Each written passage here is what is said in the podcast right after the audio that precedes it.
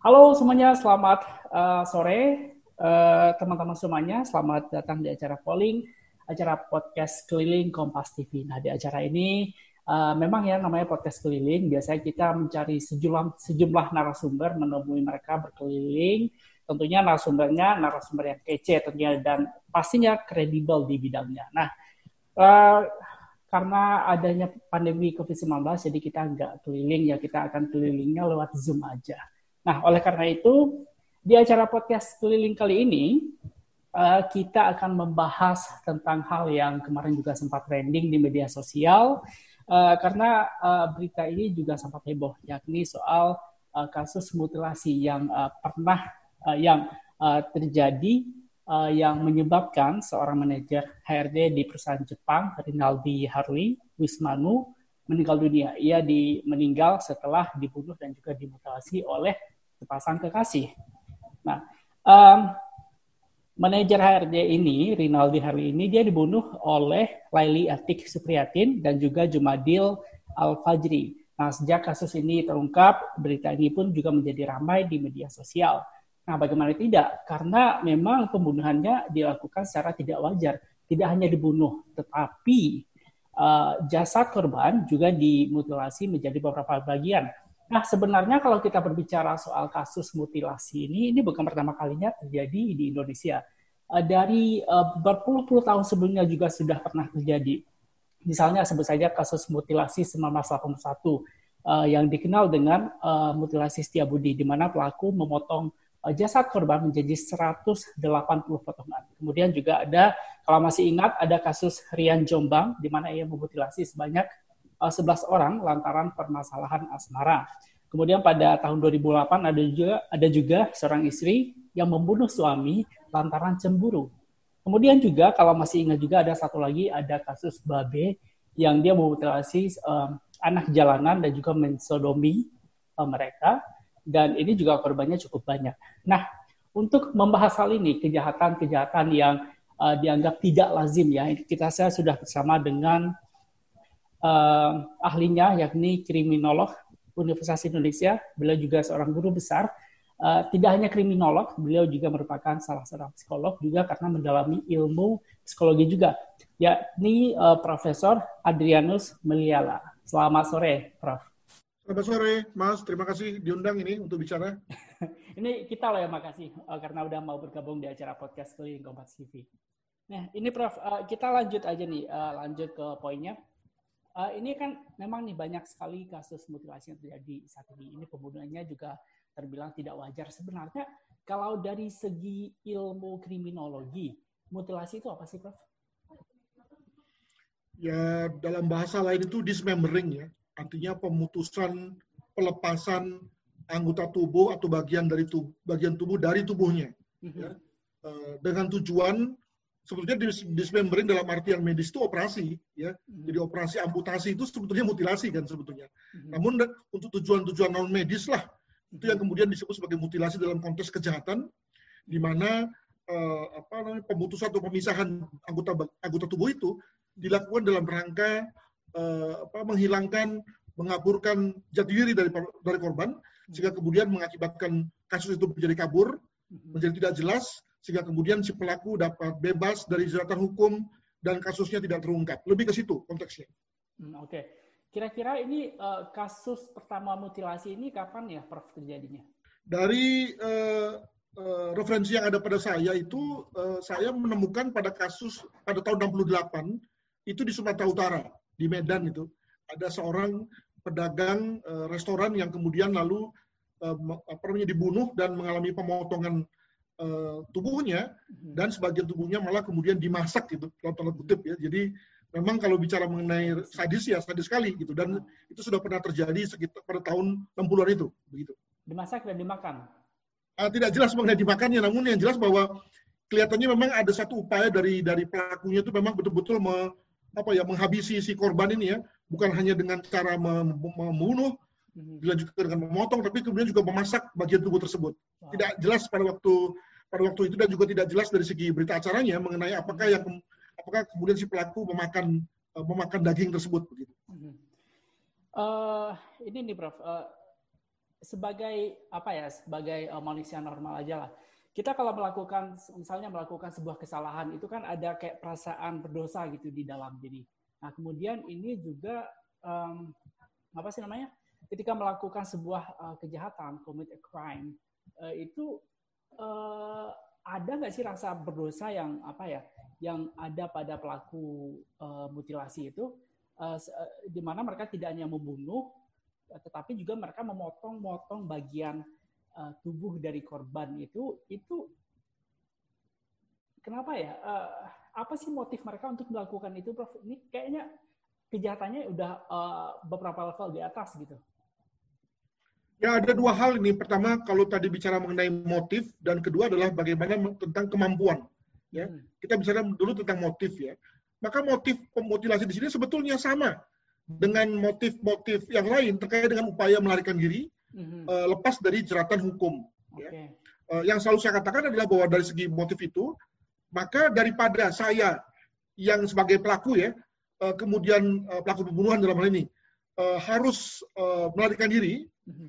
Maka saya memilih tidak usah saya melarikan diri, tetapi korban yang kemudian saya rusak jati dirinya, mm-hmm. sehingga nggak ketahuan siapa dia, dan saya kemudian tidak dan kemudian tidak kelihatan koneksi atau linkage antara yang bersangkutan dengan saya sebagai pelaku, gitu ya. Nah, eh, mengapa kemudian jalan berpikir itu ditempuh? Karena umumnya kalau melihat daripada pengalaman uh, mutilasi sebelumnya, karena antara pelaku dan korban itu memiliki hubungan. Sehingga hmm. ketika kemudian si pelaku si korban ini terbunuh dan kalau saya kemudian lari, maka segeralah kemudian saya diketahui sebagai pelakunya ya dan tinggal kemudian saya dikejar begitu ya. Hmm. Nah, maka daripada saya kemudian segera diketahui sebagai pembunuhnya, hmm. maka lebih bagus saya merusak uh, korban sehingga kemudian korban tidak jelas uh, jati dirinya dan saya bisa tenang-tenang saja gitu ya. Nah, uh, pun misalnya si korban akhirnya ketahuan, ketahuan siapa siapa orangnya. Belum tentu juga kemudian linkage antara dia dengan saya sebagai pelaku juga terungkap begitu ya. Hmm. Maka misalnya sebagai contoh pada beberapa kasus gitu si pelaku masih sempat mensolatkan masih sempat untuk me, apa namanya menurunkan jenazah korban ke liang lahat gitu ya. Mengindikasikan bahwa memang memang dia tidak usah lari uh, dia tidak perlu lari uh, dia tidak perlu lari dan dan bisa bebas dari hukum. Nah maka baru maka kemudian tergantung pada kejelian kejelian dari petugas dalam rangka mengungkapnya jadi dalam hal ini menurut saya tidak ada bedanya dengan orang yang lari orang yang menyembunyikan dengan cara mengganti mengganti jati diri dan seterusnya pada dasarnya sama yakni berusaha untuk menghilangkan uh, menghilangkan, eh, sorry, berusaha untuk keluar atau lepas dari jalan hukum. Nah itu motifnya. Oke. Okay. Yang kedua adalah kalau kita bicara mengenai kemampuannya ya. Nah di sini kemampuan di sini memang terjadi ketika orang atau si pelaku itu telah melakukan yang namanya dehumanisasi. Ya. Mm -hmm. Jadi dia tidak lagi memandang orang yang di depannya ini sebagai orang, tapi sekedar sebagai barang. Nah dengan proses dehumanisasi itu dia mampu melakukan satu hal yang tidak bisa terbayangkan oleh orang lain, yakni mencabut nyawanya, yakni membunuh. Nah, selanjutnya ketika dia sudah membunuh maka kemudian dia melakukan lagi dehumanisasi lagi yakni melihat jasad di depannya hanya sebagai onggokan saja. Maka dengan begitu dia kemudian bisa uh, melakukan dismembering tadi secara tenang ya dibantu dengan beberapa faktor. Faktor pertama adalah faktor kondisi.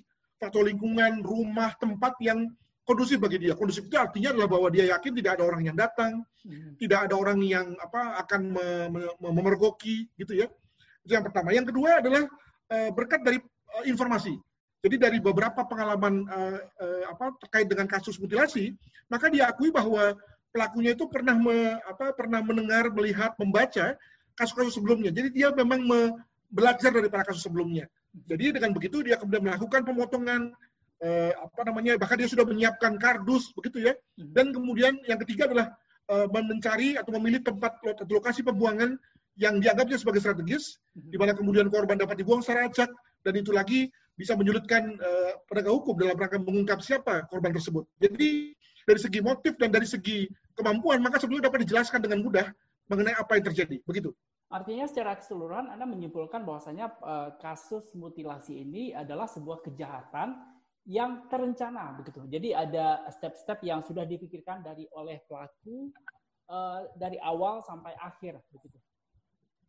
Betul sekali. Jadi uh, adanya komponen perencanaan pada waktu sebelum merencanakan pada saat merencanakan pembunuhan, lalu kemudian ability atau kemampuan dalam rangka membunuh dan juga perencanaan dalam rangka bagaimana membuang korban itu mengindikasikan bahwa memang pelakunya pinter tuh ya Jadi kalau ada orang yang berpendapat bahwa pelakunya itu psikopatik, tidak itu. Apalagi bisa bila dibilang bahwa pelakunya itu sakit jiwa, sama sekali tidak. Jadi dari pengalaman melihat dari berbagai kasus yang ada, yang sudah mencapai sekitar 100 ya di di Indonesia ini, maka sebetulnya pelakunya pintar-pintar semua, ya. Uh, uh, pintar sini tidak harus berarti dia lulusan perguruan tinggi ya, tapi orang yang orang yang apa mampu melakukan tilik diri, uh, self insight dan juga sekaligus mampu apa membuat skema-skema dari kegiatan mereka. Demikian.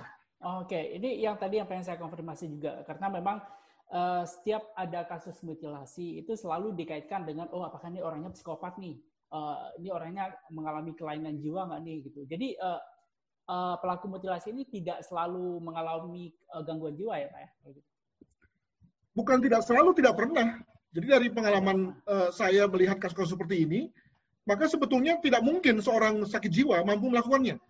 Ya, yang kedua seorang psikopat uh, sebetulnya mungkin, tapi psikopat lebih memilih kejahatan yang lain. Ya, jadi psikopat itu umumnya lebih dikaitkan dengan kejahatan yang ber, bernuansa uh, manipulatif ya uh, menipu, ngibul, ya membohongi, meng, apa namanya melakukan uh, perbuatan yang bersifat mulut manis. Nah itu umumnya psikopat jago-jago di, di dalam hal itu dan bukan tentang kejahatan pembunuhan seperti ini. Hmm, oke. Okay. Uh, nah kalau menyinggung soal psikopat sendiri, uh, sebenarnya psikopat itu kayak gimana sih Pak? Sebenarnya?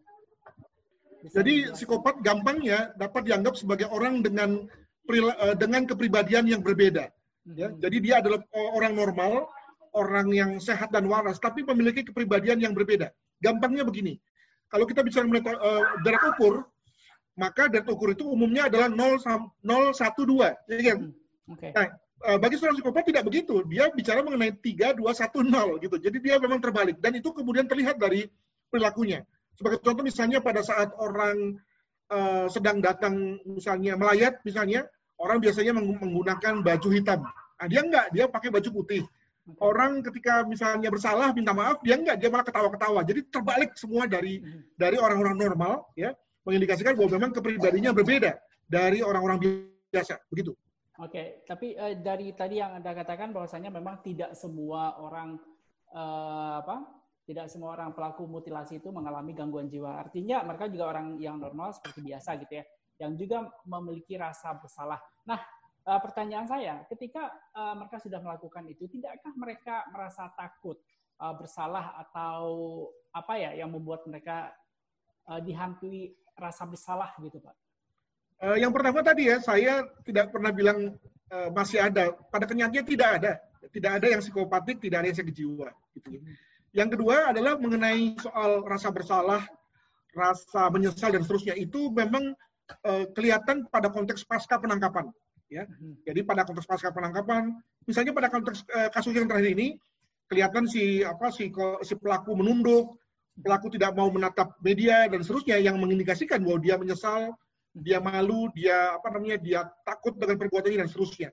Eh, jadi memang eh, dalam hal ini eh, saya melihat ada dua kemungkinan, ada dua pola. Pertama adalah adanya pelaku yang menyesal, sementara yang kedua adalah adanya pelaku yang merasa biasa saja. Ya, hmm. sebagai contoh misalnya ada satu kasus pada tahun 2000 16-an eh, begitu itu seorang ibu di Jakarta Timur yang memutilasi suaminya ya. Oh, iya. Dia dalam hal ini sudah amat determinatif membunuh dan memutilasi suaminya.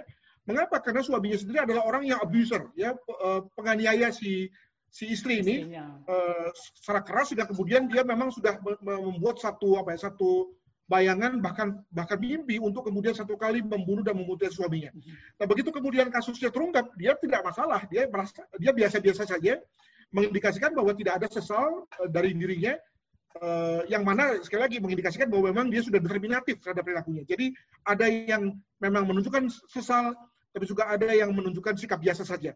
Uh, sekali lagi ini mengindikasikan bahwa memang uh, kejahatan mutilasi itu adalah kejahatan yang sudah serius, yang memang seyogianya Mhm. dilakukan untuk hal-hal yang serius. Jadi kembali pada kasus yang terakhir ini, memang menurut saya harusnya jangan ada mutilasi ya. Mhm. Mengapa? Karena sebetulnya uh, sebetulnya yang bersangkutan setelah membunuh saja lalu mengambil mengambil apa harta benda korban lalu lari sebetulnya sudah cukup. Hmm. Tapi entah mengapa kemudian diteruskan menjadi mutilasi juga. Saya kira itu adalah misteri yang kemudian kita bisa tanyakan kepada pelakunya. Demikian. Oke. Okay.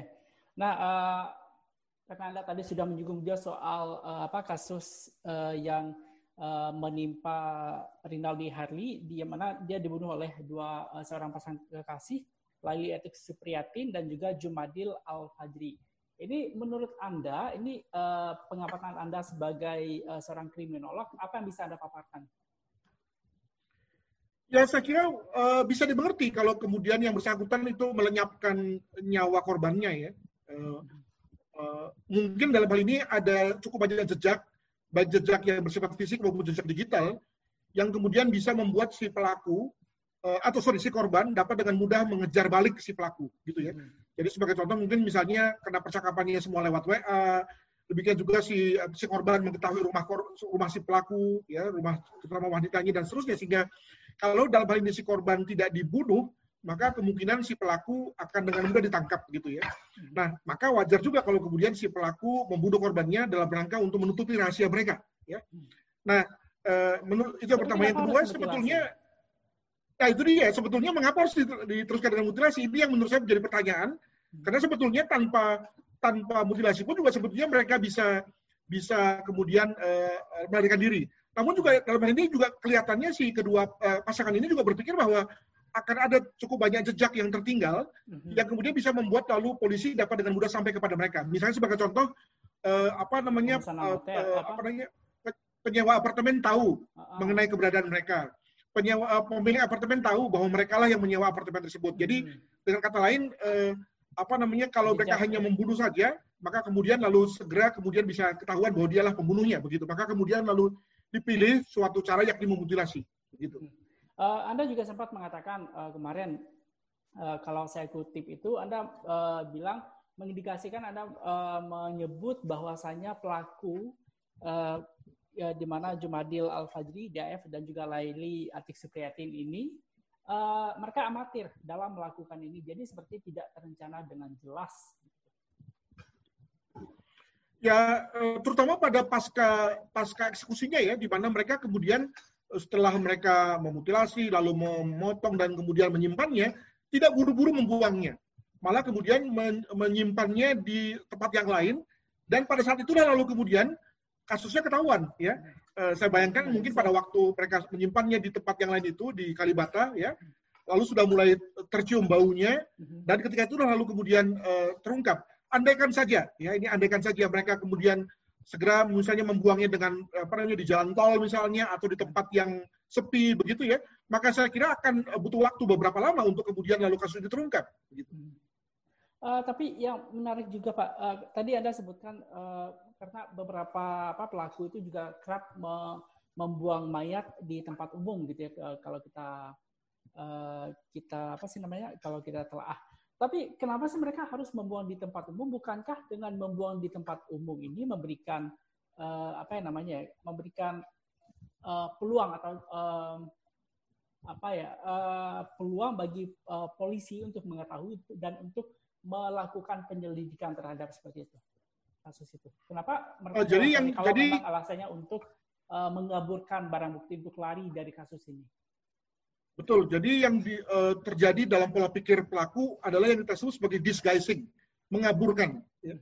Uh, jadi uh, di, yang, di, yang berjalan di dalam benak mereka adalah bahwa kalau saya melakukan uh, membuangnya itu di tempat ramai, maka kemudian lalu uh, polisi akan mengalami kebingungan, mengingat siapa pun siapa pun bisa menjadi pelakunya, begitu kan? Nah, uh, dan bahkan bukan hanya sekedar membuangnya di tempat umum, tapi juga kemudian mencacarnya ya. Mhm. Jadi sebagai contoh misalnya ada kasus pada tahun 2014-an misalnya eh, apa jenazah itu kemudian di, dibuang di sepanjang jalan tol ya. Jadi bayangkan eh, kerepotannya untuk mengumpulkan satu persatu eh, potongan-potongan tersebut itu sehingga kemudian menjadi utuh dan dan kemudian dapat dikenali.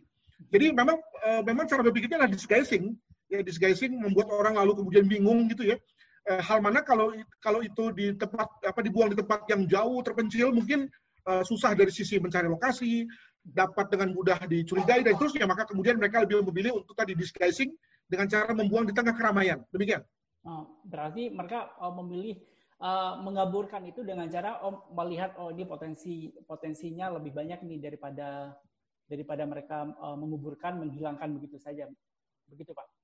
Potensi Seperti itu ya. Jadi uh, jadi menurut saya kita tempatkan diri kita pada apa namanya pada uh, apa pada psikologinya pelaku gitu ya uh, sehingga kemudian kita bisa memahami mengapa mereka berbuat begitu sama halnya dengan misalnya ketika ada seorang copet ya berani mencopet pada saat di jalan atau di persimpangan yang ramai lalu kemudian kita bilang bahwa kok dekat sekali? Tidak begitu. Justru itu adalah situasi yang aman bagi dia dalam rangka berbuat copet itu. Mengapa? Karena di tengah situasi yang ramai maka terjadilah yang disebut sebagai distribution of responsibility. Orang-orang yang melihat, orang-orang yang ada di sekitar situ, bukannya menolong, malah kemudian berpikir dalam hatinya, ada saja dia yang menolong. Semua berpikir gitu, ada saja yang menolong, dan akhirnya ujung-ujungnya tidak ada yang menolong gitu ya. Nah, itulah yang itulah cara berpikir pelaku yang kemudian lalu uh, membuat kita kemudian bisa mengerti mengapa mereka memilih lokasi-lokasi yang sebetulnya ramai. Umum. Begitu. Oke. Okay. Oke, Pak. Uh, kemudian juga uh, apa sih namanya? Um, Hukuman uh, bagi pelaku mutilasi ini adalah uh, mereka dikenakan pasal uh, 340 KUHP. Nah, uh, dengan ancaman hukuman uh, maksimal adalah hukuman mati. Nah, menurut Anda ini sudah uh, cukup? Ya, ya apalagi karena memang hukuman Indonesia kan tidak menganut akumulasi ya. Jadi kalau dibandingkan dengan misalnya di negara lain, di Australia misalnya, maka menganut akumulasi. Jadi okay. ketika mereka sudah me, apa, membunuh plus memutilasi plus kemudian lalu meng, me, menghilangkannya atau membuangnya dengan cara yang tidak manusiawi, maka mereka bisa kena tiga, tiga pidana tuh, ya. Artinya kemudian lalu mereka eh, jadi begini posisi posisinya sudah dihukum mati pun, pun kemudian lalu mendapatkan hukuman tambahan gitu ya. Nah, tetapi untuk Indonesia tidak menganut pola berpikir itu, maka sekali kemudian mendapatkan satu hukuman yang kemudian terberat, maka itulah kemudian menjadi hukumannya, begitu. Oke. Okay. Uh, Pak, uh, ini uh, saya balik lagi sedikit ada yang ketinggalan tadi. Nah, soal uh, motif uh, kenapa mereka melakukan uh, mutilasi begitu. Nah, uh, banyak uh, apa ya artikel menyebut biasanya mutilasi itu juga dikaitkan dengan rasa sakit hati. Nah, biasanya ini berhubungan dengan asmara, percintaan yang mungkin uh, rasanya sudah terlalu dalam begitu. Jadi sampai saking sakit hatinya mereka uh, apa ya melakukan hal itu kepada orang kepada korban. Ini benar pak. Pak bagaimana penjelasannya pak? Ya, kembali saya bicara data saja bahwa dari uh, seratusan kasus yang sudah pernah terjadi di Indonesia sejak tahun 68 yang tadi saya katakan, maka yang seperti itu itu justru kecil tuh, ya, kecil dan dan apa dan kalau tadi uh, Mas bilang soal kasus Rian Jombang gitu ya, mm-hmm. itu kan juga uh, percintaan antar sesama jenis. Mm-hmm. Jadi boleh dibilang sebagai tidak biasa. Saya tidak mau mhm. mengatakan tidak normal ya, tapi tidak biasa. Tidak biasa. Selebihnya adalah lebih kepada tadi lebih kepada kepada apa namanya selingkuhan mm-hmm. uh, karena sakit hati apa namanya mengingat suaminya di uh, tukang mengebius begitu begitu yang lalu kemudian uh, apa namanya uh, kita bisa anggap sebagai sesuatu yang bersifat non domestik lah begitu. Mhm. Nah, tapi juga di pihak lain eh, kalau sekali lagi kembali pada kasus yang terakhir, rasanya kok kemudian menjadi terlalu terlalu apa namanya terlalu sepele. Kalau hanya karena ingin menguasai harta sejumlah 97 juta rupiah, maka kemudian lalu yang bersangkutan itu perlu eh, atau korbannya perlu dimutilasi gitu ya. Namun sekali lagi memang itulah misterinya suatu peristiwa kejahatan itu memang kita tidak bisa merekonstruksi secara secara matematis lah gitu ya, secara pasti apa sebenarnya apa, apa sebenarnya tindakan mereka, eh, sorry keputusan mereka dalam rangka mengapa kemudian perlu memutilasi begitu. Nah, yang menarik juga Pak sebenarnya uh, antara cewek uh, Pak LAS ini uh, dan uh, korban ini mereka juga sudah saling kenal melalui aplikasi uh, aplikasi dating begitu. Nah, mereka sudah saling kenal selama setahun. Jadi ada range waktu setahun maksudnya kalau kenal uh, apa sudah berkomunikasi selama setahun itu cukup itulah ya cukup uh, bisa dikata, dikatakan oh cukup lebih kenal lah begitu. Tapi kenapa kira-kira mereka melakukannya itu sekarang? Kenapa nggak dari dulu atau atau ataukah mungkin ini sudah direncanakan dari setahun yang lalu bahkan atau gimana Pak? Ya, uh, ya saya juga terus terang uh, hanya melihat dari atau hanya membaca dari berita mhm. bahwa kelihatannya memang pasangan ini itu terdesak dengan keuangan, masalah keuangan ya, sehingga kemudian mereka lalu seperti kalap, lalu mulai berbuat nekat dengan cara tadi e, berpikir-pikir untuk mencari siapa korban yang hendak dia dia pilih begitu ya. Mungkin juga ada kemungkinan juga mereka tidak awalnya tidak mau membunuh, ya, tetapi ketika kemudian menyadari bahwa kalau tidak membunuh lalu kemudian mereka segera ketahuan, maka kemudian terpaksa keputusan itu diambil. Jadi tampaknya ada kondisi di mana mereka dipaksa keadaan, khususnya karena keadaan ekonomi, untuk kemudian mulai berpikir untuk berbuat kejahatan yang serius itu, begitu. Apalagi sekarang uh, pandemi COVID-19 ya, Pak. Pekerjaan susah, didapat apa-apa juga susah, dan uh, berita yang saya dengar juga yang keduanya juga merupakan pengangguran akibat COVID-19. Gitu. Ya itulah dia, makanya kami juga para kriminolog juga kadang-kadang bingung ya. Mengapa bingungnya? Karena begini, kalau uh, sesungguhnya amat mungkin kalau kalau seseorang itu menapaki menapaki tangga kejahatan. Itu itu biasa itu. Jadi kan kata lain dia misalnya memulai dulu dari kejahatan pencurian kecil-kecilan ya, lalu mulai menjadi pelaku kejahatan yang bersifat pro, hmm. dari pelaku kejahatan pencurian lalu mulai naik kepada perampokan dan seterusnya. Nah, itu ada semacam tangga gitu ya. Hmm. Tapi ini kan enggak, ini dia bukanlah atau keduanya bukanlah orang yang memiliki riwayat kejahatan. Hmm. Tidak terdaftar ya, tidak terlihat sebagai pelaku kejahatan atau residivis dan seterusnya tapi lalu kemudian mampu berbuat kejahatan yang sama yang amat serius, yang bahkan pelaku kejahatan pembunuhan biasa pun juga lalu nggak mampu melakukannya. Nah ini yang menurut saya memang mengindikasikan ada sesuatu yang salah di masyarakat ini, di mana kemudian orang yang tidak punya, yang tidak pernah berbuat kejahatan sama sekali, tiba-tiba begitu kemudian berbuat, langsung naik kelas ya, hmm. uh, untuk sehingga lalu mampu berbuat sesuatu yang bersifat superlatif seperti ini. Kalau kita tahu juga yang uh, apa yang pelaku yang perempuan itu merupakan uh, lulusan eh, UI juga ya Pak ya. Dan uh, dia juga cukup dikenal kritis dan juga pintar begitu ya. Itu uh, selain itu dia juga sempat bekerja di salah satu perusahaan uh, besar. Menurut Anda apa yang bisa Anda baca dari sini, Pak? Ya, saya kira kalau soal pintarnya sudah saya katakan bahwa memang dalam rangka merancang itu kan tentu perlu apa perlu ada apa namanya ada kalkulasi kan tentu kalkulasi ini bukan kalkulasi yang matang karena umumnya kalau orang sudah terdesak apalagi sudah sudah butuh uang demikian juga sudah apa namanya bersama-sama dengan pacar yaitu lalu kalkulasinya bisa menjadi bias semua itu gitu ya mm-hmm. tetapi pada dasarnya mereka mampu merancang mampu mengeksekusi eksekusi perbuatannya dan kemudian juga sudah sampai pada taraf akhir hanya masalahnya kan begini there is no perfect crime tidak ada kejahatan yang yang sempurna. Ada saja yang kemudian bisa membuat hal ini terungkap gitu ya. Nah, sebagai contoh tadi ketika misalnya mereka tadinya langsung membuang uh, jasad itu ya yang sudah tersimpan dalam box itu sebetulnya akan semakin susah bagi kepolisian untuk mengungkapnya begitu. Mhm, oke. Okay.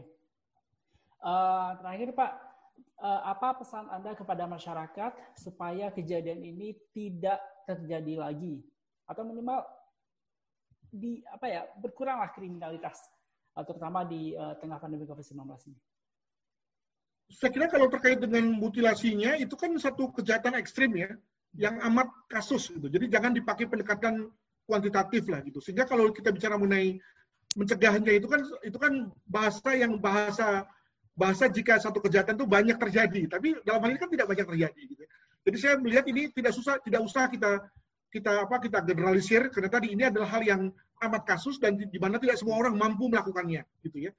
Itu yang pertama. Yang kedua adalah mengenai pembunuhannya. Tadi sudah saya katakan bahwa uh, ini kita belajar dari dari dari fakta bahwa ada orang yang tidak pernah punya pengalaman kejahatan sama sekali, tiba-tiba mampu membunuh dan bahkan lebih daripada itu.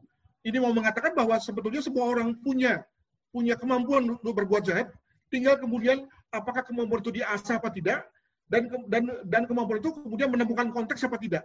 Maka untuk itulah dalam hal ini dalam rangka apa eh, kemampuan itu tidak terasa, di situ lalu pentingnya misalnya pentingnya keluarga, pentingnya agama, pentingnya lingkungan untuk tidak membuat potensi itu menjadi aktual. Yang kedua adalah konteks. Tadi saya katakan bahwa nampaknya karena karena keduanya ini uh, tidak punya uang, lalu kemudian keduanya juga nampaknya saling saling gosok gitu ya, saling uh, meyakinkan bahwa ini, ini memang hal yang benar. Di situ lalu soal soal teman menjadi penting. Eh, dari banyak hal, dari banyak kasus, uh, teman itu menjadi menjadi pihak yang bisa mem, bisa membantu kita untuk berbuat yang baik, tapi juga bisa membantu kita untuk menjerumuskan kita. Jadi dalam hal ini kalau tadi bicara mengenai pesan, maka hati-hatilah memilih teman. Hati-hatilah memilih pasangan karena kalau kita salah memilih pasangan akibatnya begini, gitu ya. Uh, saling kemudian menjerumuskan kita masing-masing dan begitu kemudian terjadi lalu kita menyesal. Mungkin itu uh, apa lesson learned yang bisa kita ambil dari kasus ini. Demikian. Oke. Okay. Uh, baik, uh, Pak Adrianus, terima kasih banyak atas wawancara hari ini. Jadi saya sudah dapat beberapa poinnya. Yang pertama tadi memang uh, pelaku apa pelaku uh, kejahatan mutilasi ini bukan uh, orang yang sakit jiwa ya, tidak semuanya sakit jiwa. Dan uh, psikopat juga. Karena memang setiap orang bisa di apa bisa saja melakukan hal ini. Tergantung dari uh, sebab akibat dan juga konteksnya juga tadi. Dan tentunya uh, dibutuhkan pendidikan yang uh, dini, yang uh, apa ya, pendidikan yang mumpuni dari mulai dari keluarga sampai lingkungan dan juga uh, apa tempat uh, kita hidup sehari-hari. Dan uh, tentu kita berharap kejadian ini tidak uh, terjadi lagi, terutama di pandemi COVID-19, di mana angka kriminalitas ini juga apa ya juga uh, berpotensi sekali untuk meningkat karena uh, banyak masyarakat yang menjadi pengangguran akibat uh, COVID-19 ini. Kita berharap ini uh, tidak terjadi lagi kasus mutilasi seperti ini.